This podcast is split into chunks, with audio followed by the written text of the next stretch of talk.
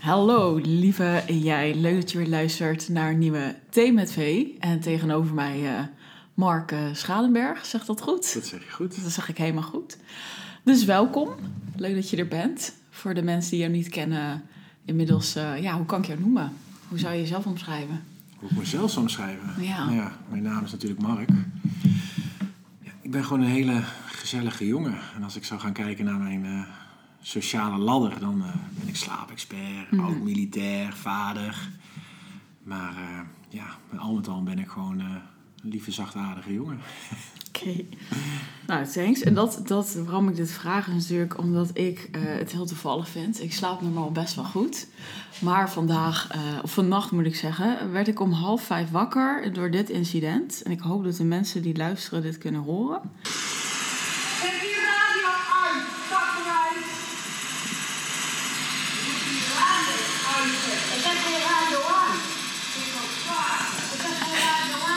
Okay, dit was de bovenbuurvrouw. Voor mensen denken, waarom is dit opgenomen? Dit is mijn slaapapp. Misschien vind je daar ook wel weer iets van. Maar um, dit was de bovenbuurvrouw. En die uh, heeft altijd de tv heel hard aanstaan om in slaap te komen. Ik weet het niet. Die kan gewoon anders niet zonder slapen. Maar ik hoor dat natuurlijk. En de bovenbuurvrouw ook. Dus die waren elkaar s'nachts te schreeuwen om half vijf s'nachts. Oh, wat een verschrikkelijk tijdstip. ja, dus normaal slaap ik goed. Maar uh, vannacht even niet zo. Maar goed, welkom. Uh, het is natuurlijk thee met V, dus ik ga één oppervlakkige vraag aan je stellen en dan daarna gaan we er lekker de diepte in. Wat is je favoriete thee? Drink je het überhaupt? ja, zeker, zeker. Op zijn tijd. Mm -hmm. Ja, ik ben toch tegenwoordig wel een beetje van de gemberthee. Mm -hmm. Ja, vind ik wel heerlijk. Mm -hmm. ik, ik, zie hier iets met min staan. Dan doe me af en toe een beetje denken aan tandpasta. oh, het is dus niet... Uh, het wordt nee, hem niet. nee, nee, ja, gemberthee vind ik wel lekker. En hebben altijd zo'n winterglow uh, smaakjes heb je ook nog wel. Mhm. Dus, uh, maar ik hou wel van thee drinken hoor. Ja. ja. Maar nu met vaderschap iets meer koffie. Ja, is het nodig? Nou, ik vind het gewoon lekker of zo. Mhm. Maar nodig? Nee, ik vind het ochtends gewoon heerlijk opstaan. Ik die kleine nu op mijn borstkas. Mhm. Een lekker bak koffie erbij. En uh, ja, daarna gaan we lekker de dag in. Mhm. Lekker. Ja. Zullen we een beetje terug eerder beginnen? In plaats van meteen bij het vaderschap. Ja, zeker. ik was heel erg benieuwd, want ik heb natuurlijk een stukje van je boek gelezen. Um, voor de luisteraars, dus je bent ook auteur. Uh, moet ik even spieken hoor, voordat ik het verkeerd zeg. Slecht hè? Van slaapwandeling naar droomleven. En um, ik was wel even benieuwd, omdat ik dacht van ja, wat voor het stellen, wat verstelt voor iedereen van vraag aan jou. Maar de Backstreet Boys, of je daar nou goede herinneringen aan hebt of slechte. Oh, de Backstreet Boys, ja. Maar ja, op zich heb ik daar nu, hoe ik nu in het leven sta, heb ik wel mooie herinneringen. Mhm. Ik denk, had je me dit uh, in de jeugd gevraagd, dan waren het, uh, was het de andere kant. Mm-hmm. Dan was ik slachtoffer geworden van uh, die tijd. Maar ja, ze hadden toen, ze hebben ergens me ook gevormd. Mm-hmm. en dat bedoel ik niet dat ik ze kende, maar voor de mensen thuis, ik, ik dacht vroeger dat als je ja, de Backstreet Boys kon worden, dan kreeg je aandacht. En als je aandacht krijgt, dan mag je er zijn. En dan kreeg je aandacht van vrouwen. Ja, dat wilde ik ook. Dus ik wilde een idool naleven. Mm-hmm. Um, niet weten of die persoonlijkheid wel helemaal leuk genoeg is. Want dat zag je natuurlijk niet. En dat heeft vroeger, ja, ben ik daar heel erg door, door gepest. Omdat ik heel mijn kamer uh, vol hing met, uh, met posters en uh, cd's. Um, ja, en nu kan ik er eigenlijk alleen maar om lachen. Want ik denk dat ik die les nodig gehad heb om nu te worden wie ik mag zijn. Ja. Mooi. Ja, Mooi de lessen uit het, uh, ja, het gepest zijn. Ja. Ja, ja, kijk, ik denk dat heel veel mensen gepest worden. Mm-hmm. Nu ook wel meer aandacht aan besteed wordt. Nu door social media dat nog heftiger kan zijn. Hè. Het is heel makkelijk om te zenden. Ja. Um, maar ik, ik denk dat ik... Ja, vroeger was het, dacht je dat je niet mocht zijn, want je werd gepest. Je was Mm-hmm. anders. Ja, en nu geloof ik dat alles wat op je pad komt, heeft een reden om te leren. Mm-hmm. Um, maar ik zag ook dingen uit mijn pesterij terugkomen in mijn businessleven. Mm-hmm. En dat, uh, ja, als je dat eenmaal in kaart kan brengen en kan ermee aan de slag, dan wordt het leven wel een stukje makkelijker. En hoe bedoel je die? Nou, Met in je business? Wat ik bijvoorbeeld heel veel moeite mee had, um, is als mensen door middel van mail of social media mij afwezen. Dus stel, een coachingsklant, een intakegesprek gehad en die beslist of via de mail te zeggen van nou Mark, ik denk niet dat je bij me past, dan betrok ik dat heel persoonlijk. Mm-hmm. Um, Terwijl, het is die goede keuze van, van die persoon. Misschien Ja. matchen we niet, et cetera. Terwijl, als ik nu om tafel zit en jij zou nu tegen mij zeggen van... Nou Mark, ik vind je eigenlijk helemaal niet zo'n leuke kerel hier in die podcast. Eh, Ik vind het zonde van mijn tijd dat ik een gesprek heb gehad. Dan handel ik dat heel makkelijk. Dan denk ik, tof, we kijken elkaar aan. En dat was vroeger met pesten, was dat eigenlijk ook. Er was niemand die in mijn ogen durfde te kijken om mij te pesten. Het was altijd op afstand. Dus het was altijd bij schreeuwen, op de Ja. hoek van de straat, op een voetbalveld. En dat is dus zo dus in mij geworteld dat alles wat op afstand is mij kan raken. Terwijl als het in mijn, in, een, in mijn cirkel was, ja, dan deed het me niks, want daar was ik sterk genoeg voor. Ja. Dus toen ik dat, toen, toen ik dat patroon doorkreeg, dacht ik van shit, Mhm. hoe kan dat? Ja, toen reageerde ik dat terug naar pesten. Ja, en dan kan je ermee aan de slag. En ja, nu, als ik nu een mailtje krijg, dan denk ik, oh ja, prima. Want het gaat niet meer om wie ik vroeger was. Het gaat Ja. om deze situatie. En misschien ook wel ergens dat je hebt losgekoppeld van... hé, hey, het is niet ik als persoon dus. Maar gewoon wat je zegt, de klik, de match. Ja, ja, ook. En daarnaast was het natuurlijk ook een beetje... eh, omdat ik vroeg gepest werd, wilde ik graag iedereen te vriend houden. Want ja, Ja. was je alleen. Dus ja, als iemand je afwijst op een mail, dacht ik... oh ja, moet ik misschien harder mijn best doen, want misschien kan ik diegene ompraten. Zo werkt dat natuurlijk helemaal niet, want dan ga je verkeerde energie uitstralen. Ja, dus inderdaad, je, je wordt er steeds mooier achter wie, je- wie je mag zijn. En vooral ook wat je kan leren vanuit het verleden. Ja, oké. Ja, mooi. Ik denk dat eh, wat je zegt, veel mensen zijn gepest. En dat dat toch een soort kwetsuur op je hart is. Ja, Ja. nou ja, ehm, wij zijn natuurlijk een beetje van dezelfde generatie. Mhm. Ehm, ik denk, ehm, onze, onze ouders die zijn opgegroeid met, ook met pesterij natuurlijk, maar ook Mhm. met ehm, alsmaar inslikken. Er is geen ruimte voor gevoel, geen ruimte voor emotie. Je moet hard werken. Vakantie is echt als je dat verdient. Eh, wa- oh wat de buren van ons vinden. Mhm. Ja, en die hebben dat gekopieerd op onze generatie. Maar ja, die, die tijd ging heel snel. Want voor je het wist hadden we in één keer eh, Nokia, Snake, eh, weet ik veel wat. Mhm. Ja. en MSN. Dat was gezellig. Ja, ja, maar hoe snel het gegaan is. Ja. En nu gaat het nog harder. Want die nieuwe generatie is nog harder aan het stoeien wie ze mogen zijn. Want Mhm. er wordt zoveel verwacht. Er wordt zoveel geprojecteerd vanuit ouders naar de kinderen Mhm. toe. Dat ze niet meer weten wie ze mogen zijn. Ja, en als je niet weet wie je mag zijn, dan gaan we vaak pesten. Want ja, dan kijkt niemand naar, naar, naar mij. Want dan ga ik op iemand anders eh, bot vieren. ja, precies. Ja, Ja. dat is wel heel lastig. Mhm. ja, heel lastig. Als? Voor die kinderen bedoel je? Ook, maar ook voor de ouders. Ehm, ja, er wordt heel veel angst eh, gezaaid daardoor. Mhm. Niemand is meer in verbinding. Ja, ik hoop eh, wat je zegt. hè, ik hoop dat, dat dat iets is waar we juist aan mogen meewerken. Dat het uiteindelijk ja, dat het gevoel er veel meer mag zijn. En dat je mag gaan kijken van hé, hey, wie ben ik als persoon? Ja. Ja, en dat is lastig. Hè? Mhm. Hoe lang heb jij erover gedaan om erachter te komen wie jij mag zijn als persoon? Nog steeds, Ja. denk ik. Ja. Ja. Terwijl, als ik kijk naar de nieuwe generatie, die willen het allemaal zo snel mogelijk. Want ja, dan kunnen we weer verder. Weet je wel? Mensen willen de, de, de magic pill of eh, Ja. de sneltrein op het station. Ja, maar die is er niet. Mhm. Dus we zijn allemaal maar aan het wachten. Tot het op een presenteerblaadje komt. ja, precies. Of dat je zo getriggerd wordt dat je denkt, shit. Ja, ja, of hopen dat maar iemand het weet. Weet je? Zo van, nou, weet, weet je wie ik ben? Ja, oh tof. Nou, dan kan ik weer verder. Ja, zo werkt het niet. Sinds wanneer heb jij dat voor jezelf? Dat je denkt van, hé, hey, eh, het staat natuurlijk misschien ook deels in je boek, maar voor de mensen die het nog niet hebben gelezen. ehm, wanneer is bij jou dat licht aan gaan branden? Of dat je bent gaan inzien van, joh, als ik zo verder ga, dan blijf ik inderdaad maar wachten. Sta ik nog steeds op het perron, de trein vertrekt. En ik heb nog steeds geen idee wat ik hier nou precies kom doen. Ik voel wel steeds meer dat, ja, dat ongelukkige in me. Ehm, ik denk dat het in mijn militaire tijd is geweest. Ik ben 14 jaar militair geweest. Eh, en, en omdat ik dacht dat ik zo'n man moest Mhm. worden. Want ja, waar word je man gemaakt? Binnen de krijgsmacht. Ja. En op mijn uitzendingen, ja, zie je... Later kom je erachter dat je toch een psychologische warfare is. Want ja, je gaat ergens heen, er is een vijand. Je moet iemand doodschieten of niet. Of je moet daar iets gaan doen. En daar begon het al steeds meer aan mij te knagen. Blijf ik een rol bekleden met al mijn medailles? Of mag ik weer die zachte jongen zijn die ik vroeger was? Want ik was vroeger heel zacht. Mijn moeder was heel erg spiritueel aangelegd. Maar ja, binnen Defensie is daar helemaal geen ruimte voor. Nee. En uiteindelijk koos ik ervoor naar mijn eerste missie om ja, niet via Defensie in coaching te gaan vanwege hetgeen wat ik gezien had. Maar ik dacht, weet je wat, ik ga het gewoon eens bij andere mensen proberen. Alternatieve geneeskunde. Nou, dat klinkt vroeger natuurlijk helemaal of je met een of andere wijde broek Mhm. eh wie er ook eh, door het Ja. bos heen aan het rennen was. Maar toch zei mijn gevoel dat ik die kant op moest.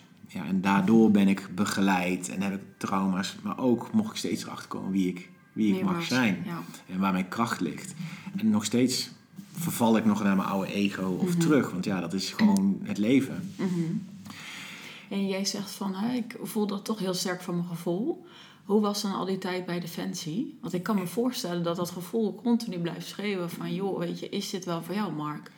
Nou ja, je gaat daar in een flow. Dus het is, eh, er is geen emotie, kan je uitschakelen. En ik was er heel erg dus op een gegeven moment maar bezig met prestatiedrang. Dus Mijn beret hangen, halen, eh, Ja. hardlopen in de woestijn. Altijd maar dat extreme op zoek naar adrenaline. En, maar er gebeurden ook heel veel dingen dat op mijn gevoel speelden. Maar ja, dat dacht ik, ja, het hoort erbij. Want eh, ik word nu ont- een ontgroening, weet je, dat hoort erbij. Ja. Maar ja, ik match natuurlijk gewoon totaal niet met die jongens. Ehm, Ja, dus dat ego neemt het gewoon over van... oh, je ja, hoort je, zet gewoon uit. Gewoon, overleven. Ja, gast Ja. erop, weet je wat. Zie maar, je verdient je geld. Je gaat op uitzending, kan stoere verhalen vertellen. Hey, hey. En op een gegeven moment dacht ik echt van... Ja, wat ben ik hier in godsnaam aan het doen, jongen. Mhm. Elke keer weer datzelfde spelletje. Elke keer weer mezelf... weer- Ja, Op relatiegebied liep het voor geen meter. Want ja, je- je- ik, ik was niet mezelf. Dus ja. Dan, dan klikt het ook nooit met een relatie. Het was altijd weer dezelfde eh, goede tijden, slechte tijden show. Ja, je, je gaat maar ergens aan voldoen. ja. En je bedoelde ook, in je relatie was je ook totaal niet zo. Nee. Nou, wist jij veel Nee, trouwens. nee ja, ik was altijd maar ge- geënt op eh, de uiterlijk. Want ik dacht, als ik zo'n mooi, zo mooi mogelijke vriendin heb, dan komt alles goed. Ja, Ja, en sommige waren heel leuk, maar sommige, zat gewoon geen, met alle respect, geen inhoud in. Ja, dus ja, voor jou gewoon, ja, inderdaad. Ik bedoel, dat, dat matchte gewoon niet. Weet je, haar belangen waren totaal anders dan die van mij. En ik dacht alleen maar, ja, jij bent mooi, dus eh, jij moet gewoon van mij zijn, punt. een leuk visitekaartje Ja, in ieder geval als naar de Inderdaad. familie. En dan zei mijn moeder weer van, Mark, wat moet je hiermee, joh? Het is een leuke meid, maar... Nou, en op een gegeven moment ging ik gewoon naar mijn moeder luisteren. Ik nam ze maar mee, gewoon zo'n Soms datingprogramma. hebben ze gelijk. Ja, zo'n datingprogramma. Nou mam, dit is, eh, nou, dit is niks. Oké, ik denk niet dat het gaat werken. Ja, ze had altijd gelijk. Waarom? Omdat Ja. ze mij natuurlijk kende. Ja. Diep van binnen de echte Mark. Ja, ja. Ja, en op een gegeven moment werd dat allemaal steeds harder tegen de muur omhoog lopen. Mhm. Ehm, ja, en gewoon de juiste coaches eh, opgezocht. Heeft jouw moeder jou ook geholpen dan? Of heeft zij ooit gezegd, van, omdat ze jou zo goed kent, van hé hey, joh, Nou ja, ik weet nog wel, toen, we de, toen ik terugkwam van mijn eerste missie, toen moest je een, eh, een vragenlijst invullen. Of je veranderd bent na de missie. Dus ik overal nee, nee, nee, nee, nee. En mijn moeder, ja, ja, ja. Ik was gewoon een totaal andere jongen. Ik had echt gewoon, ik, er zat geen vriendelijkheid meer op me. Ik was gewoon echt gewoon afgestomd. Hetgene wat we daar gedaan, gezien hadden, overleven. Maar ja, dat wilde ik natuurlijk niet horen. ja. Want ja, je zat in een macho-cultuur, dus eh, we gingen gewoon door. En uiteindelijk is mijn moeder en vader zijn geëmigreerd. Nou, dan wordt toch de band al wat anders, wat afstand. Ja. En dan is die verbinding ook veel minder, want ze zien dan alles. Want toen kreeg ik een Facebook en dat soort dingen. Ehm, en ik denk echt dat ik vooral, ja, doordat ik zelf eh, met mezelf aan de slag ging, ja, toen kwam ik er vast achter van shit. En mijn moeder had vroeger Ja. echt wel gelijk. Of, eh, oh ja, mijn moeder deed iets met spiritualiteit. Eh, dat zat ook al in mij, maar Ja. waarom heb ik dat aan de kant gezet? Want het heeft me vroeger toch leren overleven. Waar- waarom Mhm. vertrouw ik daar niet meer op? Waarom ga ik niet meer echt voelen Ja. eh, of hoe ik mijn tijd moet benutten, hoe ik met wie ik om moet gaan? Ja, en dat is, ja, dan ga je door een rouwproces heen vanuit je ego, maar ook, Mhm. ja, dat, dat voelt heel heftig, maar het geeft zoveel vrijheid. En jij zegt van, eh, vroeger was het best spiritueel, je bedoelt als kind. Ja, Hoe moet ik me dat voorstellen? nou ja, we waren heel erg bezig met stenen, eh, ja. pendelen, kaarten lezen. Ja, was echt En dat wel- was met je moeder? Ja, of? Ja. ja. Ja, oh, mijn moeder deed ook met kaarsen werken. Weet je, dan ging ik op een bank liggen en deze kaarsen branden. En dan zagen we hoeveel eh, om afvalstoffen uit mijn lichaam te helpen. Ja, ze was daar heel erg mee bezig. Alleen Ja. In Defensie vonden ze dat zweverig. Ja. Dus, dus ja, dan dacht ik, oh ja, zweverig. Terwijl nu, ja, joh, heel mijn huis ligt vol met stenen. En Mhm. elke dag draai ik een kaartje om. Ja, Eh, precies. Wat, ik heb nu met mijn vrouw afgesproken dat we weer een pendelsetje moeten gaan eh, aanschaffen. Ja. Omdat ik gewoon voel dat, dat, dat me dat nog beter gaat helpen in deze wereld. Ja. Ja.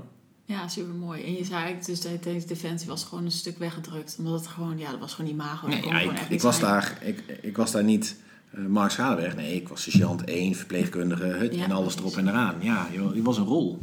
Ja. En wat ze noemden me zelfs bij mijn achternaam of ik had een nummer. Ja, er is, er is Mhm. niks qua verbinding in. Ja, ze noemen het zeggen wel vriendschap, maar ja, het was voor mij geen vriendschap. Nee. Weet je, als, ik ik ging altijd weer weg nadat ik op uitzending was geweest. Dus begon ik weer opnieuw. Ja. Nou, ik weer mensen kennen. En hebben een heel groot netwerk, maar met niemand verbinding. Ja. Ik was even benieuwd, wat je zei net op missie. En dat het soms best heftig was. en ik was benieuwd, ook toen ik het boek aan het lezen was, van... ehm, ja, wat je zegt, ik ben ook spiritueel, maar ik kan me ook voorstellen van... Wat doet het met je eigen spiritualiteit als je ook weet van... Hé, hey, misschien ga ik wel dood. En ook dat je heel veel dood ziet natuurlijk. Ja, En eh, ja, terreur, goede, goede vraag. Ehm, vooral in mijn eerste missie ben ik echt enorm bang geweest voor de dood. Dat was Mhm. echt, ik dacht echt de dood houdt je leven op. Nou, ben je dan precies. 18 jaar, wat moet ik gaan doen? En daar was ik echt mee bezig met alles. En dan zag ik iets liggen en dacht ik, oh, misschien gaan we dood. Maar ik zag ook heel veel dood in mijn handen. Kindjes, baby's, ouderen. Maar ja, wat deed ik? Allemaal wegduwen. Toen ben ik in 2014 ben ik voor MH17 eh, naar Oekraïne gegaan. Nou, iedereen kent MH17 wel.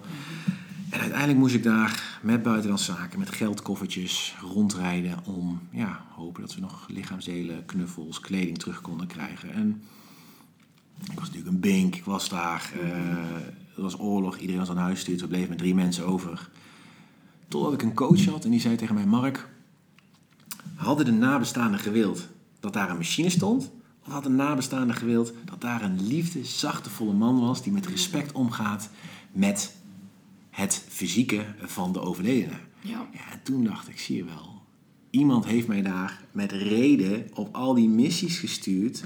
Omdat ik dus die zachtaardigheid in me heb. En dat, en, Ja. en, maar ook daardoor leerde ik dat dood een nieuw leven betekent. Weet je? wel. Ik heb ook de rust gevonden dat dit een leven is. En dat ik hiervoor al heel veel gehad heb. En hierna waarschijnlijk nog meer krijg.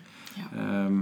Maar ja, dat wilde ik vroeger niet geloven. Ik bedoel, eh aju paraplu. Ja, precies. Eh, die, die Japanners eh, dachten ook dat ze doodgeschoten werden in de oorlog en 400 meter verderop stonden.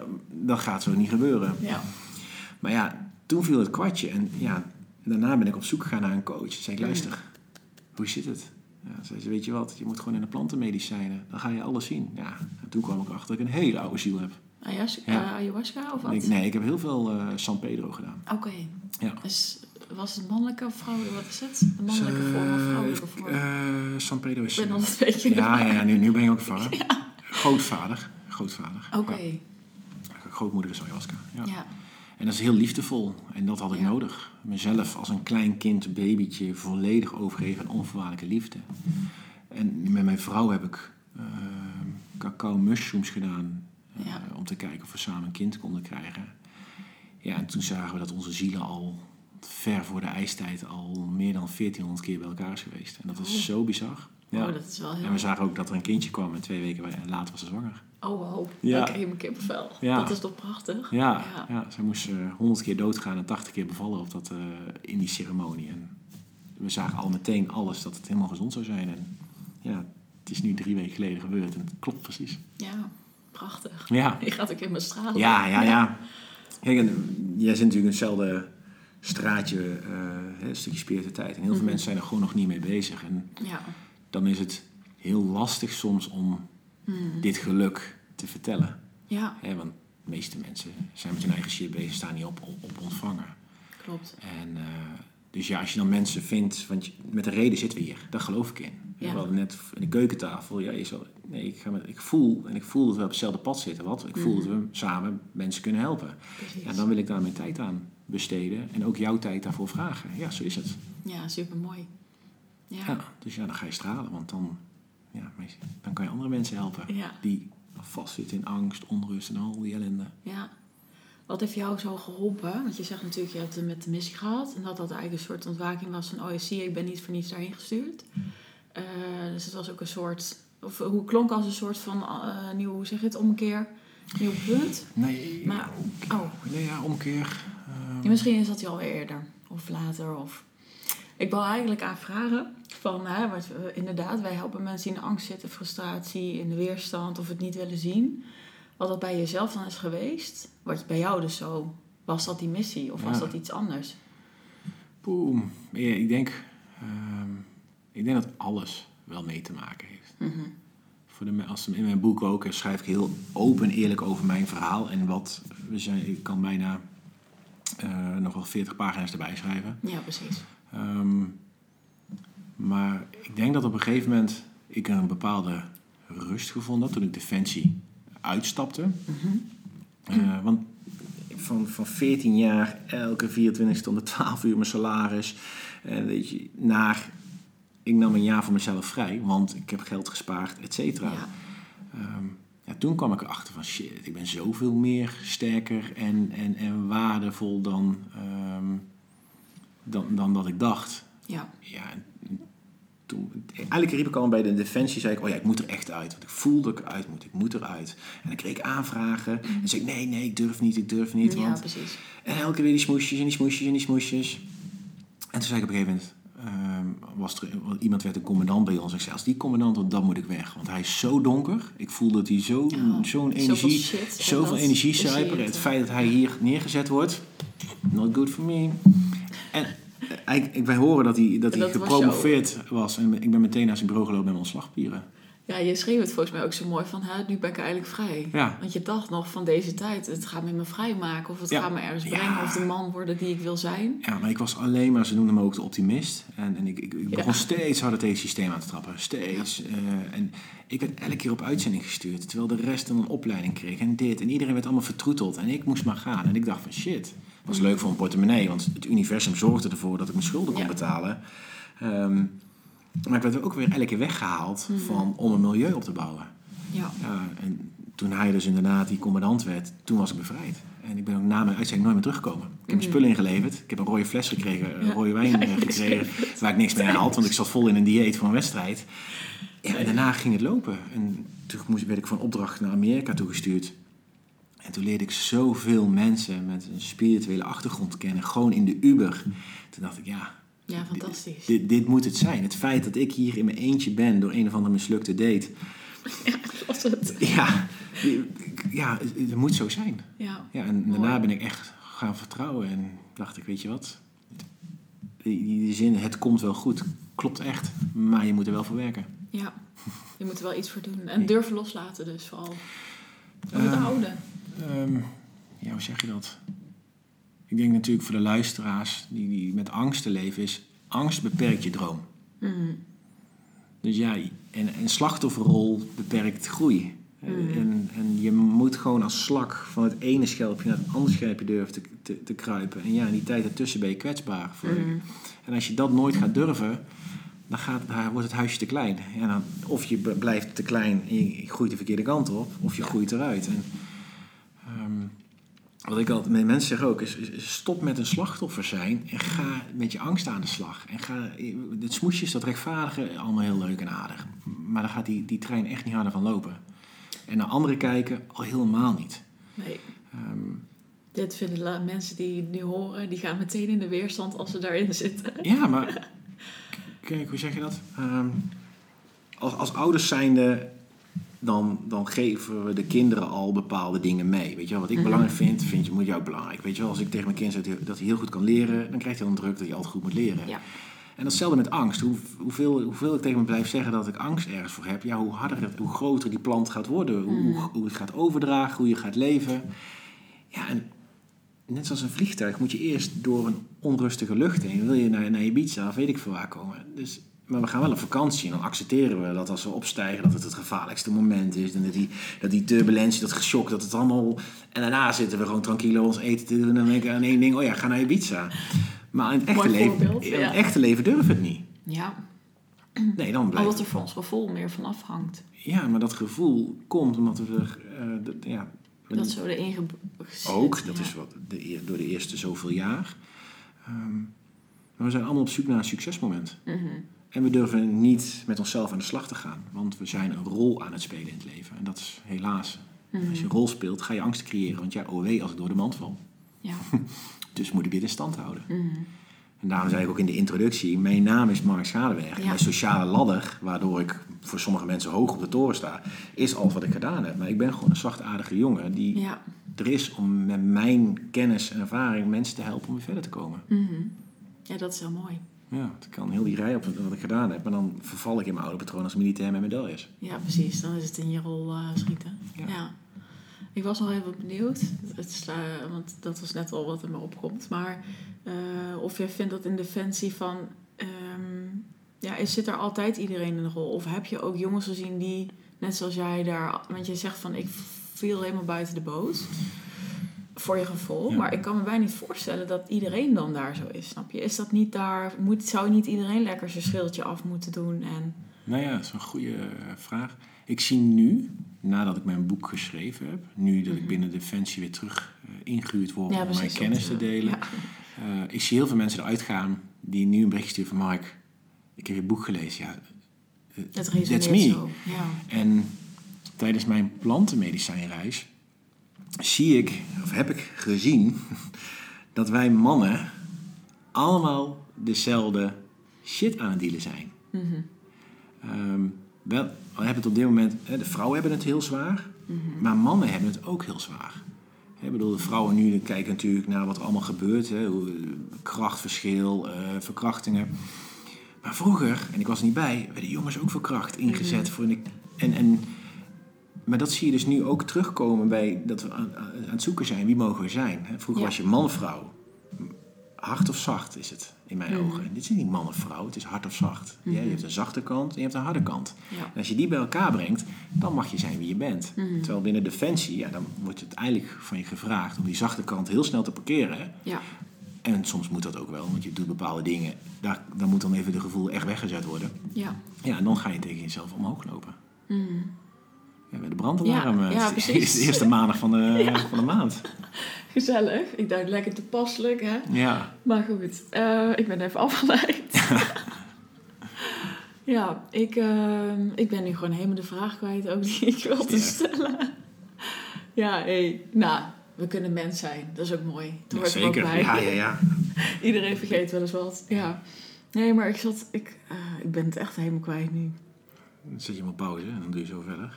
Ja, ik ben even een Oké, nou jongens, we zijn er weer. Ik ben mijn vraag helemaal kwijt. Shit happens. Goed.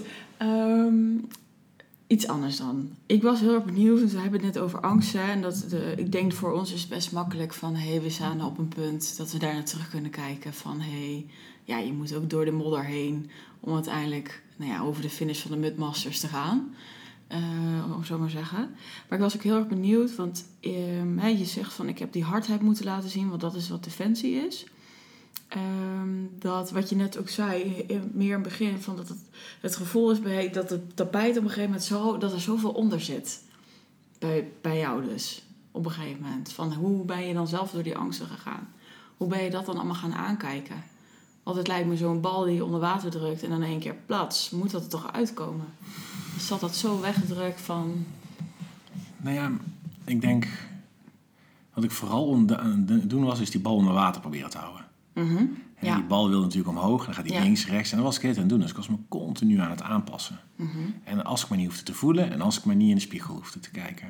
Ja. Ehm, maar omdat je op een gegeven moment tegen de muur omhoog loopt, ja, dan is, dan als je de kracht kan vinden om naar binnen te keren en jezelf aan te durven kijken, mhm, dan in combinatie met slecht slapen, want dat is mijn redenering, want door slecht slapen word je moe, dan Mhm. word je geconfronteerd aan jezelf. Want je gaat dingen opmerken waar je niet blij van bent. Weet je, je wordt moe, je stoot je teen. En, Nee. ja.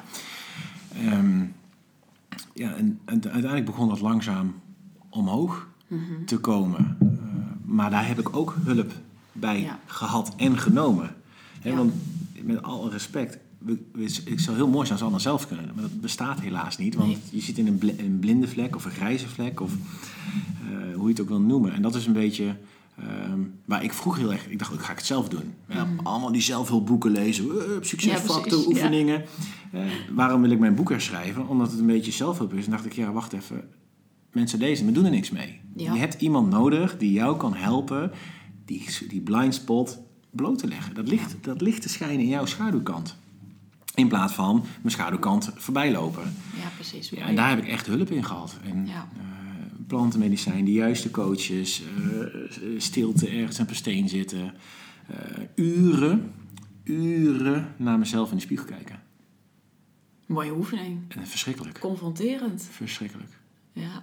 Zonder iets te zeggen en proberen geen gedachten. En dan ga je allerlei mankementen. En op een gegeven moment zag ik ook face shifting. Dus zag ik in één keer al mijn voorgaande dingen voorbij komen. Zo. Ehm, Jouw levens bedoel je, of wat? Ook. Ja, maar we hebben meerdere levens en zielen. En als, mhm. je, als je uren tegenover elkaar gaat zitten, wij zouden een uur gewoon continu kijken, ga jij al mijn voorgaande zielen kunnen zien. Als de setting natuurlijk tranquilo is. Mhm. Ja, dat moet je niet in de metro doen. Ehm, Maar ik heb echt, wat heb ik gedaan? Ik, ehm, ik heb uren naar mezelf gekeken totdat ik erachter kwam wie ik was. Dus niet, ik ben, nee, om het zo te noemen. Mhm. Ik ging rust vinden in de natuur. En dat is niet van, ehm, ik, ik ga hier de natuur in en eh, ik ga kilometers maken om naar mijn 10.000 stappen te komen. Maar ik ben gaan stilstaan en ging eens kijken naar alle bomen, plantjes. En wat ik zo mooi vind aan de natuur is, het groeit door elkaar heen. Mhm. Het gaat alle kanten op en uiteindelijk zorgt het voor iets moois. Ja. Dus waarom moet het dan in mijn leven één rechte lijn zijn? Mhm. Waarom moet het van mij highway, eh, American Dream? Nee, Ja. want de natuur groeit altijd ook heen en houdt zich in stand. Vervolgens ben ik eh, een oefening gaan doen. En, en dat heeft me echt eh, uren... Dan nam ik vijf seconden een ademteug. Zet ik twee stappen, blies ik die vijf seconden uit. Ademteug, Mhm. twee... En zo ging ik dus door het bos heen lopen. Dus elke keer die vijf... Nou, dan- ik zou je vertellen, ik kom niet heel ver. Na een kwartier. Maar slow down. Slow down. Elke minuut, elke minuut moest voor mij al benut worden. Ik moest overal op aan en bij zijn. Nou, doordat ik in één keer een bereik kreeg op social media, overal uitgenodigd, moest ik nog meer over bij. Want ik wilde een rol in stand houden. Maar het was gewoon slow down.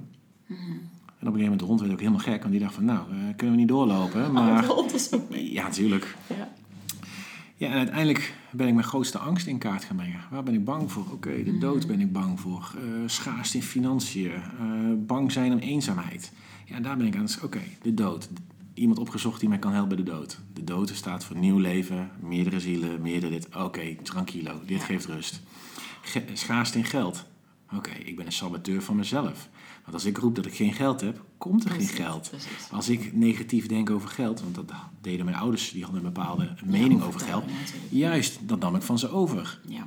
Ja, ze begrijpen nu nog steeds niet hoe het werkt. In de zin van hoe ik mijn geld verdien en hoe, qua Mhm. tijd. Maar ja, dat, dat, dat is voor hun. ja, precies. Eh, wat zei ik net als derde? Ehm, Eenzaam. Eenzaam, ja. Eenzaam. Oh ja. Toen kwam ik erachter dat we heel goed eenzaam kunnen zijn. Want we zijn getraind om in ons eentje op een steen te zitten. Mhm. Eh, maar onze sociale druk, goede tijden, slechte tijden, die zegt van dat je altijd met iedereen moet zijn. Stappen, feesten, op vakantie, altijd met mensen. Fear of missing out. Ja, Ook. Precies. Terwijl als ik altijd aan mijn coachingsklanten vraag, zeg ze, ja, maar ik kan ook al zo goed alleen zijn. Eh, Ja. ja. dat klopt, Kijk. omdat we daarvoor gemaakt zijn.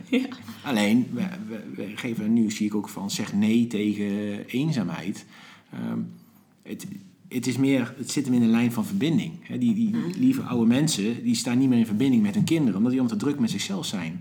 Weet je wel? Maar we kunnen alleen zijn, want ja, we kunnen eten, wc, et cetera. En welke had ik nog meer wat ik mee aan de slag moest?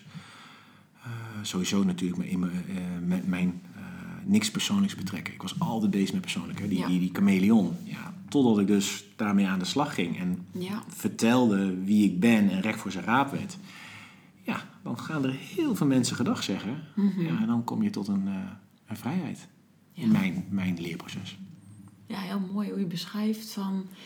eh, want ik kwam natuurlijk vanuit de vraag van wat, wat kunnen mensen doen. Maar je geeft heel praktisch eigenlijk al aan van... joh, ten eerste ga je wat zoeken. Ja, En ten tweede van wat zijn nou precies jouw angsten of echt overtuigingen? En wel, hoe kun je die... Nou ja, sommige klinken als een hele makkelijke mindset switch. Een shift in de zin van... eh, ja, je, hebt, krijgt nog meer zielen dus. Of je krijgt nog meer levens, dus whatever. ja, dat Ja. is kort door de bocht. Ja, nee, dat heeft, dat Je mag heeft, het zelf dat, ervaren Dat heeft, tijd, het heeft tijd gehad. En ik ook met vallen en opstaan. Ehm, Maar ik bedoel van, het is heel praktisch. Tenminste, mensen kunnen hier ook echt iets mee. Ja, ja ik heb niks liever dat we allemaal eh, licht worden in, in deze donkere wereld. Ja, En angst zorgt ervoor dat het donker wordt. Dat zie je nu in de wereld gebeuren. Ja We vonden 9-11 een terroristische aanslag. Waarom? Omdat er angst gezaaid werd. Nou, als je nu kijkt in de wereld, er wordt een en al angst gezaaid. Vanwege Mhm. het nieuws, vanwege het kabinet. Eh, De oudere generatie kan maar niet geloven dat het kabinet niet het beste met ons voor heeft. Mhm. Maar als je gaat kijken naar alle films die we hebben over riddertijd, dat is precies hetzelfde hoe het met je chakra staat. Mhm. Hè, De, de koning is ziek. Nou, onze koning zegt helemaal niks. Nee. En, je derde, je keelchakra, nou, dat kan staan voor de waarheid of leugens. De nar, ook altijd degene die de koning wil worden in, in al die ridderfilms. Ja, en die liegt en bedriegt. En dat is precies hetzelfde wat in onze Tweede Kamer gebeurt. Het Ja. liegt en het bedriegt. De koning doet niks, dus er wordt niet meer vanuit het hart het, eh, het land geregeerd. Ja, en dan krijg je eh, zo- zo'n ridderfilm dat er oorlog is. Totdat dadelijk iemand opstaat, en ik hoop de koningin die nieuw gaat worden of de koning wordt, dan zul je Ja. zien dat het land ook gezond wordt. Maar het is precies, alles is al van tevoren tegen ons verteld. Alleen omdat we het in films zien, denk ik, oh, het is een film. Maar Ja. alles wordt al, we krijgen altijd alles van tevoren te zien, zodat we aan gewend kunnen raken. Heel wat mooi, joh. Ook met de chakra's. Ja. Ja. dus had ik er nog nooit naar gekeken. Nee, ja, de, Ja. natuurlijk ook nog je, hoe heet het, eh, je, je kruin. Ja, die staat voor de magier. En dan, Mhm. Kijk maar naar alle films. Lord of the Rings, de magier. Die staat Mhm. in verbinding met bovenaf. Zorg Ja. voor iedereen. Het klopt gewoon identiek met je chakra's. Ja, super mooi. Ja. Nu kan ik eens anders naar die film gaan kijken. En, eh, Alle, Fantastisch. alle films vertellen al iets wat in de toekomst gaat gebeuren. En dat is heel eng. En sinds wanneer weet jij dit dan? Of heb je dat altijd zo gevoeld? Nou ja, ik heb dit in mijn spirituele reis gezien. Ah, oké. Ja. Ik Met ben, bedoel je? Ja. Wat? ja, ik ben meegenomen in hoe de wereld in elkaar zit. En dat is eh, omdat ik een missie heb om er voor mensen te zijn na een crisis. Dus moet ik ook zien wat er nu gebeurt in de wereld. Ja. Ehm, en nu zie ik ook in mijn coachingsklanten die nu binnenkomen, ehm, die stoeien met allemaal dezelfde dingen. En, Mhm. en dan zie je vaak dat een ouders geloven dat, het, dat het de Tweede Kamer eh, niet is. Mhm. Ze weten niet wie ze willen zijn, ze staan niet in verbinding. Ja. Ehm, ja, en nog wel meer dingen, maar dat, maar dat doen we maar niet in de podcast, maar zullen sommige mensen daar nog niet klaar voor zijn. Eh, ja, dat, dat, dat kan heel beangstigend, maar dat geeft Ja. ik weet ook dat er in de wereld heel veel goed gaat. Alleen Mhm. dat wordt niet gezien, want we worden gevoed natuurlijk met Ja. alle slechte dingen in de wereld. Mhm. Ja, maar er gaan ook heel veel dingen heel goed. Gelukkig. Anders hadden we hier niet gezeten. Nee, precies. Ja. Klopt. hey, en ehm je zegt plantmedicijnen, dat noem je een aantal keer. Is dat iets wat je iedereen aanraadt? Of is dat op een bepaald moment dat je zegt van... joh, dat gaat wel een stukje spirituele reis in de zin van... kom eerst wat meer bij jezelf? Of zeg je van ja, maar het kan ook een hele eye-opener zijn van wie jij in kern bent? Nou ja, ik, het is al zo oud, Ja. eh, maar de meeste mensen durven niet omdat ze bang zijn hun controle te verliezen. Mhm. Maar ja, als je in angst leeft en je blijft vasthouden aan controle, net zoals met slaap, je hebt er geen controle over, Ja. dan ja, blijf je in dat kleine, kleine schelpje leven. Terwijl het plantenmedicijn, door goede be- begeleiding, ik bedoel, Ja. eh, je gaat niet alsjeblieft wild kopen, eh, ga, gaat er een stukje aan verwerkt worden. Je krijgt aan wat je aan kan. Je gaat iets verwerken wat, wat nodig is. En soms denken mensen, oh ja, ik moet iets verwerken, want eh, gisteren heb ik ruzie gehad. Maar misschien zit het zeven generaties van tevoren. En hij is daar cut the line. Als ik zie wat ik heb moeten verwerken van mijn ouders en voorouders. Want dat is het. Heel vaak geef je dingen mee aan je kinderen. Ja. Echt, ik draagde een rugzak met ballast. Niet eens wist waar het over ging. Maar dat was allemaal van tevoren gewoon meegegeven uit de voorgaande Yes. generaties. Ehm, dus ik geloof heel erg dat... Ik vertel het nu heel vaak, omdat ik daarmee zaadjes kan planten bij bepaalde mensen. En, en Ja. als er misschien vijf zijn die denken van... shit, dit vind ik interessant, hier wil ik iets mee. Mhm. Dan gaat het gebeuren. Misschien zeggen mensen, ik geloof hier niet in. Prima, dan, Ja. misschien komt het nog. Precies. Dat is ook goed. Want onthoud, iedereen heeft zijn les te leven. En de ene leert dit, dit leven. En de andere, die mag dat leren. Mhm. En dat is ook goed. Ja. Ja, ik vind ook, eh, hoe heet het, wat je zegt, van, eh, dat we soms niet eens beseffen dat er zoveel wordt meegenomen uit vorige generaties. En dat je voor jezelf kan denken van, joh, wat is het toch allemaal zwaar. Maar hey, thanks eh, to- tot, tot onze ouders, dat het, dat het ook daar vandaan kan komen. Ja, En nog wel verder door. Ja, het begint al bij de, bij de conceptie. Mhm. Eh, eh, bij je twee gestresskikkers die, die heel graag een kindje willen, ja, dan geef je stress mee. Ja. Heb je tijdens de zwangerschap eh, misschien wel het kindje verliezen. Alles met stress, of je nou gaat verhuizen, heeft invloed op het kindje. Ja. Ehm, mijn vrouw en ik hebben alleen maar aan onszelf gewerkt om licht te zijn. Waarom? Omdat mijn zoon in zo'n reis tegen me zei: Paps, werk alsjeblieft aan jezelf. Projecteer niks aan mij, zodat ik licht en rustig op de wereld kan komen. Nou. Iedereen die mijn social media volgt, ziet alleen een rustig kind. En waarom? Omdat paps aan zichzelf gewerkt heeft. Ik heb Ja. al mijn angsten, al mijn onrust. En misschien komen er binnenkort wel weer nieuwe. Ik bedoel, Mhm. het houdt nooit op. Nee. Uh, maar het heeft er wel voor gezorgd dat hij nu tevreden op de wereld komt. Zonder spanning en zonder iets. Ja. Ehm, en, en ook, ik vind echt heel veel belang. En ik heb ook gezien dat mijn zielsmissie vaderschap is. Mm. Ja, ik hecht daar heel veel tijd aan. Dus ik heb liever nu minder geld, maar meer tijd met mijn kind. Ja. Ja, En dat heb je ook gezien op die reis? Ja. wat? Want ja, we zitten natuurlijk een beetje ook van... hé, hey, wat is je zielsmissie? En daar zijn mensen heel eh, benieuwd naar. Maar hoe kwam dat tot je dan? En hoe of Nou ja, hoe, geef je dat zelf dan vorm? Want vaderschap, ja, nee, het ik- kan ook groots bedoeld ja, worden. ja, ja. Kijk, ik heb mijn, ook mijn zielsmissie langs mijn horoscoop eh, gelegd. Dus ook Mhm. mijn ascendans, eh een horoscoop en al die standen ben ik in gaan verdiepen. En daar kwam ik achter dat ik mijn zielsmissie is iets met coaching, maar ook ouderschap. Dus voor mensen, voor zo, iets met kinderen. Ehm, ik, ja, ik, ik moet mensen helpen groeien. Dat is eigenlijk mijn, mijn zielsmissie. Maar ja, dat klinkt natuurlijk heel... heel Breed. ja, dat kan ook in de fitness zijn. Ja. Bedoel, ja. Ehm, en dat is misschien ook wel het mooie eraan, dat het niet concreet hoeft te zijn. Want als dat had gezegd tegen mij, Mark, jij wordt eh, eh, bij de Albert Heijn manager, eh, want je kan de schappen laten groeien. Ja, stel dat het nou, mijn ego dat niet leuk vindt en een probleem dan zo'n zielsmissie. Dus ik, ben, ik heb dat toen gezien. En toen ben ik gewoon een vraag gaan stellen. Luister, deze reis zou ik zo graag in contact willen komen met mijn zielsmissie. Ja, een healing, mijn stemfrequentie schijnt en ouderschap. Ja, en als ik nu zie dat ik van slaapexpert naar jeugdtrauma, geboortetrauma aan het gaan ben om mensen al op die momenten te helpen, waardoor ze beter gaan slapen, denk het klopt.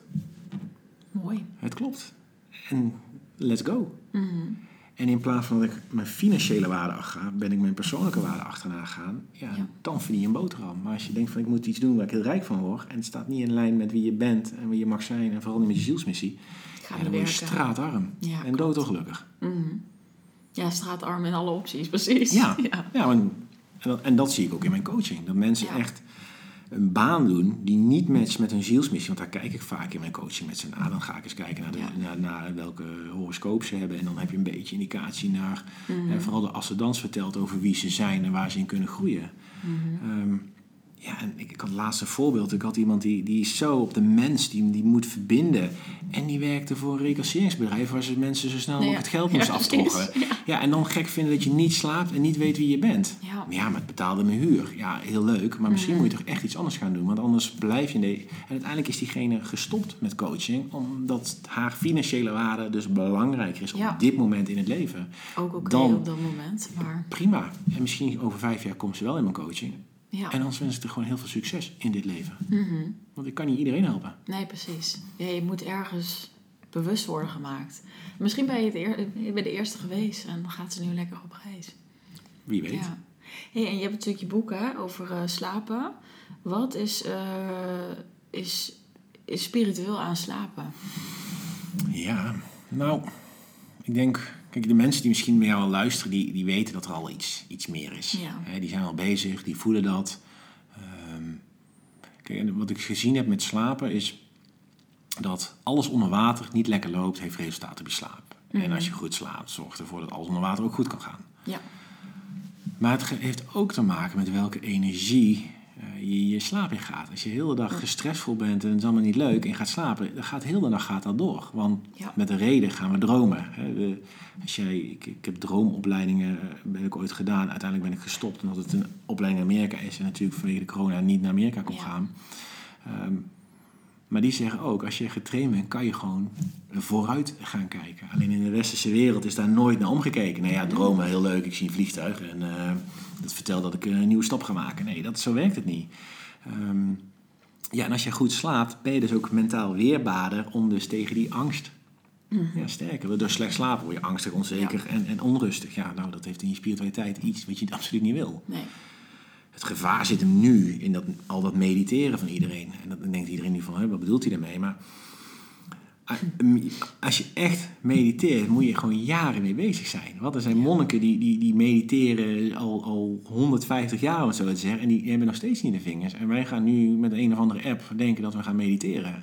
En, eh, en daardoor beter gaan slapen. Want dat is wat het allemaal belooft tegenwoordig. en, ja, en ik denk juist door naar jezelf naartoe, naar binnen te gaan Ja. eh, rust te ervaren, en of je nou naar die spiegel kijkt of weet ik wat, dan ga je ook al mediteren. Mhm. Eh, in plaats van, want als je een keer die, die mediteren-app zegt van, oh je, bent, je hebt vijf, vijf on row en de volgende dag vergeet je en dan begin je weer bij nul. Nou, geeft ook weer stress.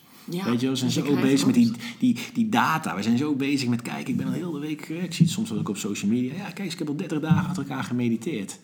Gewoon als een bewijs eraan ja, van, hey, ja, kijk hoe goed ik ben. En dat is zo, zoals in de gym van, kijk, ik ben er zo zonde, zo zonde. Ja. Terwijl ik, en als ik dan naar mijn coaching, oké, maar wat heb je dan gezien met mediteren? Ja, ja, ik heb mijn succesmoment en eh, mijn intenties gezet. Ja, oké, oké, top. Wat is je intentie dan?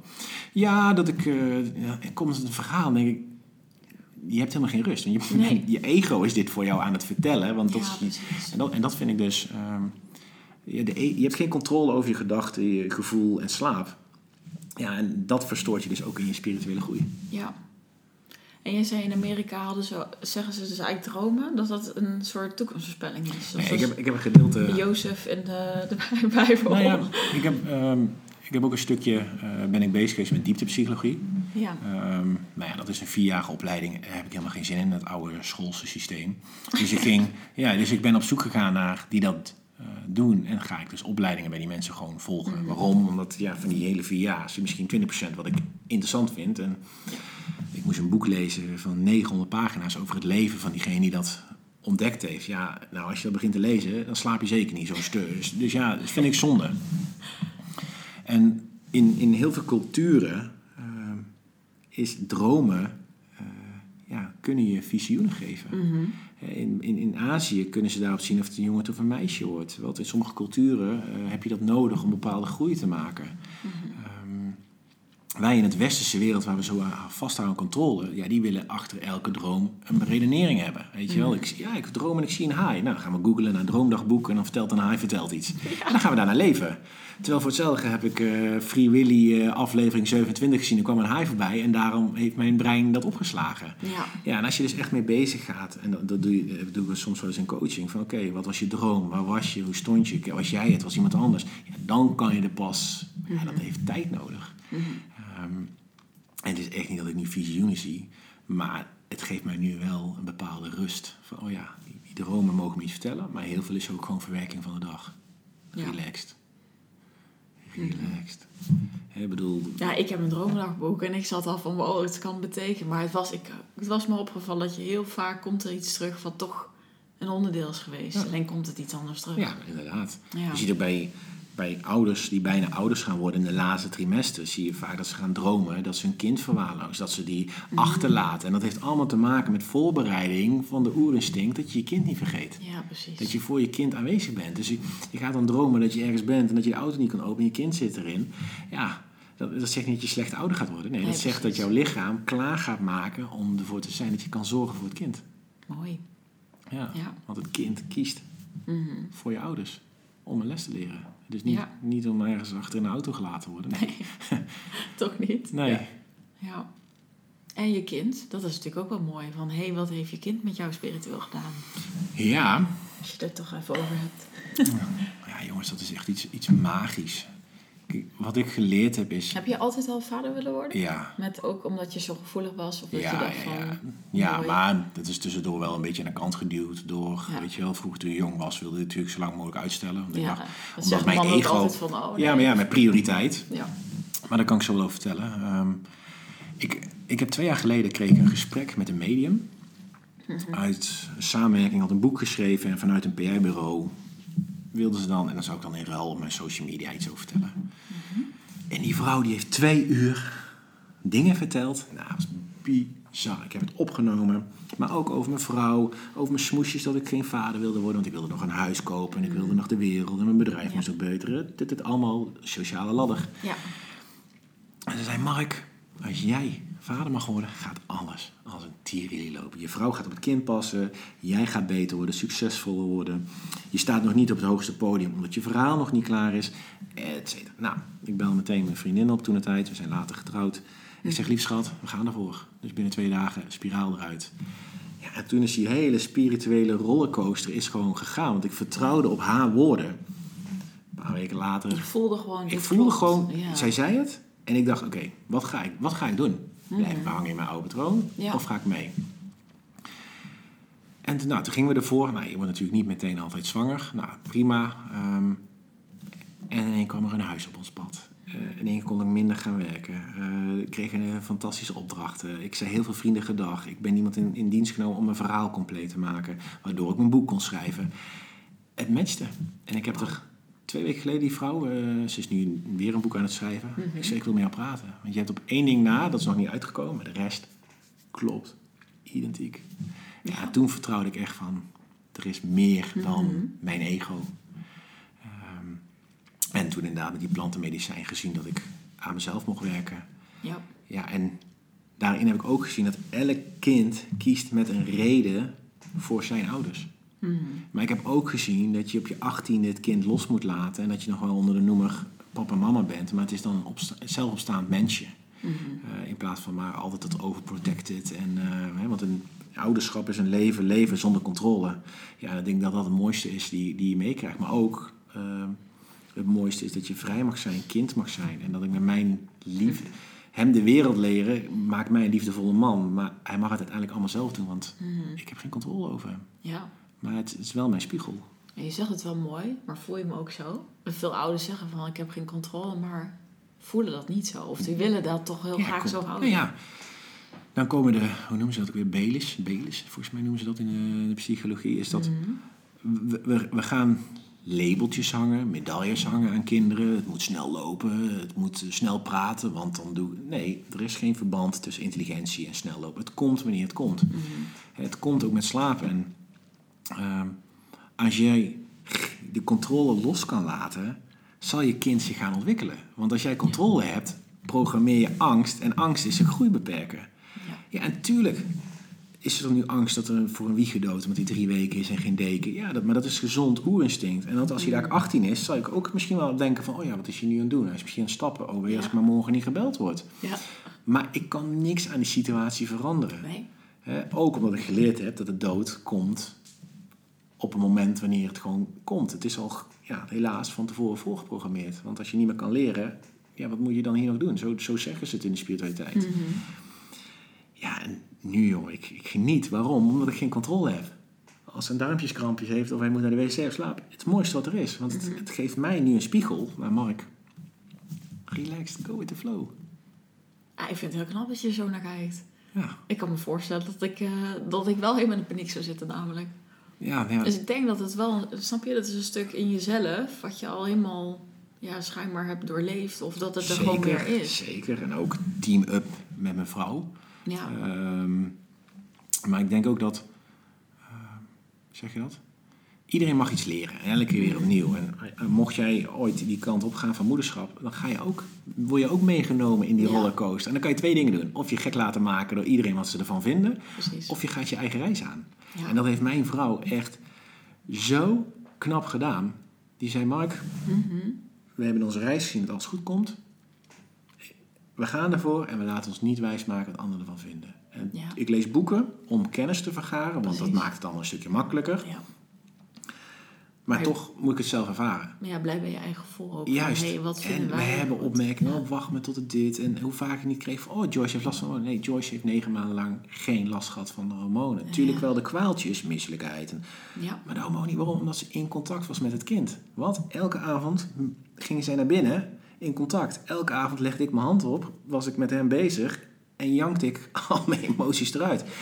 Echt, het eerste wat, Wat er gebeurde toen hè? kind eruit pakte, waren mijn handen. Dat was mijn wens. Ik wil dat ik hem eruit pak. En niet die stoere opmerking, oh dan zie je de poes, bla bla bla. Nee, het eerste contact met mijn kind is met de handen van papa en dan de borst van mama. En niet de plastic handschoenen van die liefdevolle verloskundige. Mits hij natuurlijk slecht zou gaan. Maar ja, we Ja, hadden allebei al gezien dat, het, dat dat niet ging gebeuren. Dus ik haal hem eruit. Ja, dat voelde zoiets magisch. Oh, Ik- met- ik raak helemaal geëmotioneerd. Ik kan Ja, me nou ja, ik- ik super ook, ja. ja. En, en nu vertel ik dat, want ik ben nu ook hoofdredacteur van een, van een magazine voor toekomstige vaders. Mhm. Heel veel vaders die al kinderen die zeggen, wow, hier heb ik nog nooit over nagedacht. Nee, precies. Ik zei, nee, maar ik was vroeger te vroeg geboren. Eén groot medisch circuit van intuberen, weken in de couveuse. Dus mijn verbinding met de mens was weg. Ja. Dus ik ging altijd op zoek naar verbinding. Bij Defensie legde ik ook heel vaak een hand op iemand zijn schouder. Nou, dat mocht natuurlijk nooit, want dan was je gay of weet ik Ja, veel wat. kreeg je allemaal hè, die oordelen. Beetje, ja. Terwijl nu in mijn coaching ga ik juist weer naar een kantoor toe, omdat ik voel dat als ik mensen mag aanraken, dat ik ze nog beter kan helpen. Ja. Ja, en dat is, dat, en dat is nu mijn, mijn volgende proces. Hoe ga ik dat doen? Hoe, ja. Ja, super mooi. ik zit met verwondering te luisteren. Ik vind jullie sowieso, dat had ik al een keer gestuurd, zo mooi als team ook samenwerken. En ik denk dat dat, ja, ik weet niet, dat is denk ik ook zo belangrijk. En soms ga je misschien ook op de automatische piloot allebei kijken wat, je, wat, wat, goed, ja, wat dan goed voelt.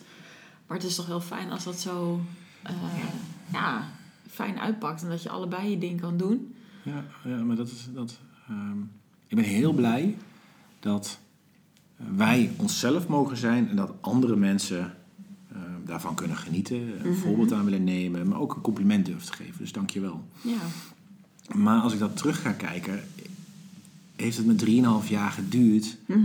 om uiteindelijk deze relatie in te stappen met haar en al mijn shitty schaduwkanten te omarmen. Ja. Want ik wil altijd de perfecte man zijn. Good looking guy, dure kleding, stappen, geld te geven, uit eten. Wat? Ik, heb, ik denk dat ik wel een auto heb weggegeven aan alle eetjes met daten. Weet je Ja, wel? Oh, ik moet altijd betalen. Ja. Terwijl ik liet nu aan haar zien, want de eerste date was echt gewoon schandalig. Als, het, als ik niet gevoeld had dat hier meer in zat, dan was het nooit iets geworden. Ja. En dat refereren nog steeds aan. Als het soms slecht gaat, dan zeg ik altijd, weet je nog, hè, die eerste date, dat je, me, dat je me niks vond. Weet je nog? En dan had je gewoon weer, dit was gewoon als Was een markt oude patroon. masker. Ja, maar Ja. ik dacht, die eerste date, ik wil met haar naar bed, huppakee, op het lijstje, ze is een mooie vrouw. Totdat ik haar zag. En toen dacht ik van, oké, mijn ego zegt, ik moet met jou naar bed. Maar mijn onderbuikgevoel zegt, Mark, hier heb je heel je leven op gewacht. Dus die eerste date kapte zij het een beetje af. En toen begon mijn ego. Ja, ik moet nog één keer met haar naar bed, dus ik moet nog een keer afspreken. Ja, maar dat was echt gewoon wat ik voelde. Ja, nee, ja. Terwijl ik voelde ook Ik vind het een lekker eerlijk verhaal. ja, maar ja, dat kan beter dan. Maar ik voelde ook echt in mijn onderbuik van Mark. Mhm. Jullie zijn al connected. Alleen, ja. Mhm. ja. En uiteindelijk, na de tweede date, zijn we onafscheidelijk. En hebben we meteen uitgesproken: hé, hey, wil je kinderen? Ja, oké, prima. Het komt wanneer het komt. Nu met, met ouderschap, we hebben tijdens de zwangerschap afspraken gemaakt. Oké, wat, wat, wat, wat vond jij goed aan je opvoeding van je ouders en wat minder goed? Mijn ouders waren best wel van het chanteren. Eh, van, hey, eet je bordje op, anders Anders moet je naar bed. Ja, ja. Dus ik heb nu al gezegd, dat zit in mijn blauwprint. Dus als ik dat ga doen, spreek me erop aan. Maar we hebben ook afspraak gemaakt dat altijd een dak boven zijn hoofd zou zijn. Ja. Dat we altijd beide in, het in, in zijn leven blijven. Dat we hem zouden helpen met alle middelen om zijn groei te stimuleren. Onze eigen ego aan de kant. Dus net zoals van de twee geleden waren er weer festivals. Ja. Nee, we gaan met die kleine lekker de bos in. Want Mhm. dat heeft hij nodig. Binding met zijn ouders. En niet de social media foto's ook op een festival staan. ja. En, en dat is onze key van communiceren geworden. En ik denk, ehm we refereren naar jouw beginstukje van jullie zijn een team, Ja. is dat te veel ego, niet eerlijk zijn over wie we zijn, te graag fantaseren de man of de vrouw op de bank. Dus we, we willen een relatie, want dan zal het leven heel mooi zijn. En dan niet vragen wat mag die persoon zijn, Ja. te hoge standaarden. Eh, maar ook niet eerlijk durven te communiceren, want oh wee als hij wegloopt. Ja. Maar als de relatie niet werkt, leer je ervan, ga je naar de volgende. ja. Easy going. Dan moet dat ook zo zijn. Juist, maar durf ook te samen te groeien. Ja, ik denk dat dat het mooie is wat, je, wat zo sterk is. Wat je zegt van eerlijk, maar dat je zelf samen mag groeien. En dat dat, snap je, want dat komt Ja. ook vanuit je ziel. Ja, Of je innerlijke mentor. En al die ego-stukken. niet. Dat dat niet. Nee. Nee, natuurlijk niet. En, en, en voor de mensen, want nu ga ik gewoon helemaal los natuurlijk op het gebied van liefde. vind ik Ja, het mooiste wat er is. Maar ah, mocht je in een relatie zitten, kijk eens of je een liefdessymbool hebt met je partner. En wat bedoel ik ermee? Ga eens tegen elkaar zitten en spreek allebei uit wat liefde betekent voor je. Iedereen refereert vaak liefde in een relatie, maar het is ook liefde naar jezelf. En een voorbeeld die ik doe, bijvoorbeeld, wij zouden een relatie zijn. Hè, wij zijn een beetje daten, leuk, leuk, leuk. En dan ga je dat gesprek aan van, nou, wat betekent liefde voor jou? En volgens mij eh, zeg jij dan van, nou, Mark, liefde betekent voor mij iets. En dan pak ik hem heel even terug. Maar en dan doe ik even mezelf. Stel, voor mij liefde is eh, pizza eten.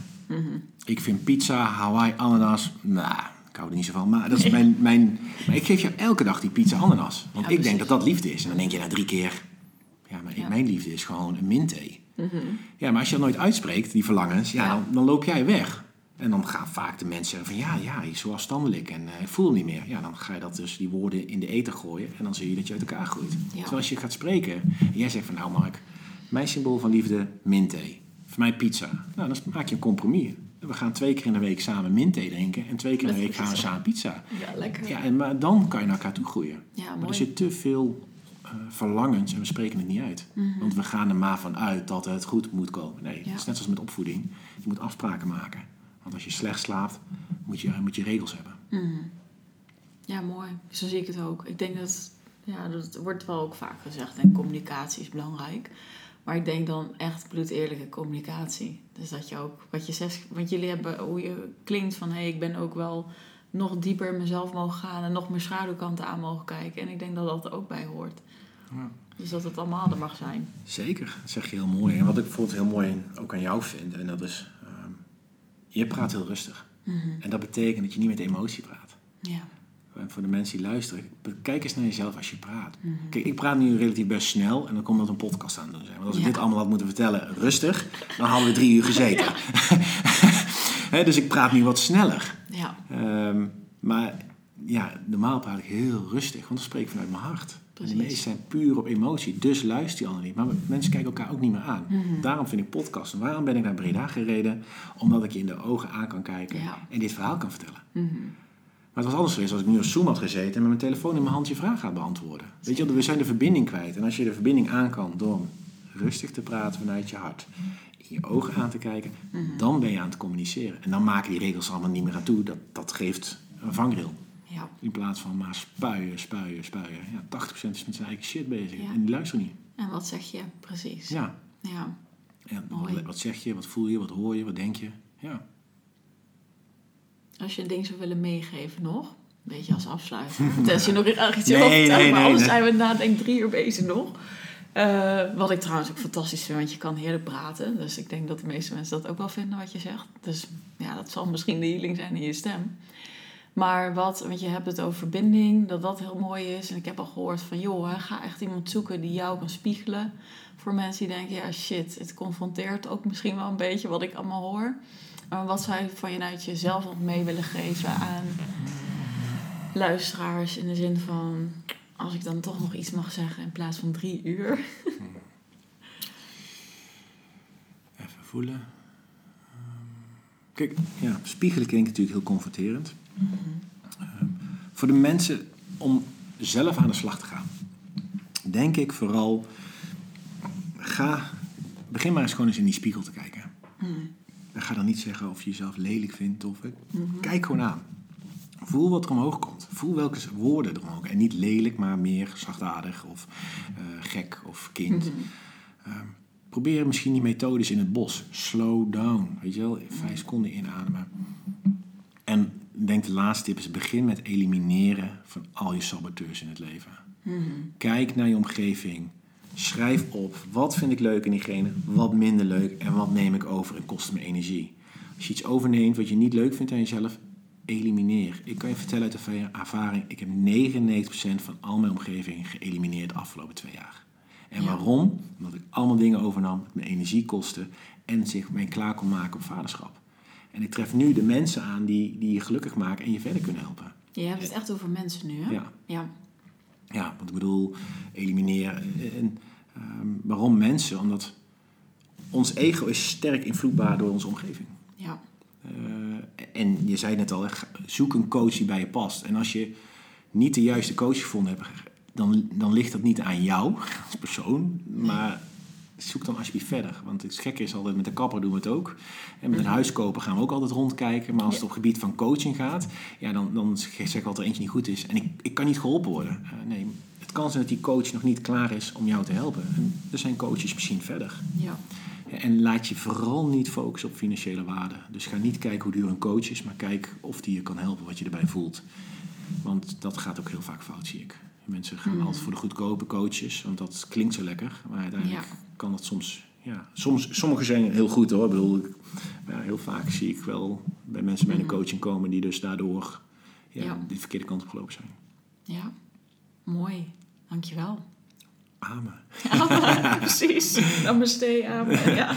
Sluit hem lekker spiri af. Ja, Nou, super. eh, Dankjewel dat je er was. ja bedankt ik voor denk je dat tijd. het heel inspirerend was voor eh, de luisteraars. Dus eh, Ik ben benieuwd wat als je hem terugluistert, laat het even weten. Het is mark.schalenberg Ja. op je Insta. Ja, ja. Of aan mij en dan tag ik Mark. ja, Dan zijn we heel erg benieuwd naar. ik ben heel benieuwd. Ja. Oké, nou, ik wens je een hele fijne dag nog. En eh, tot de volgende.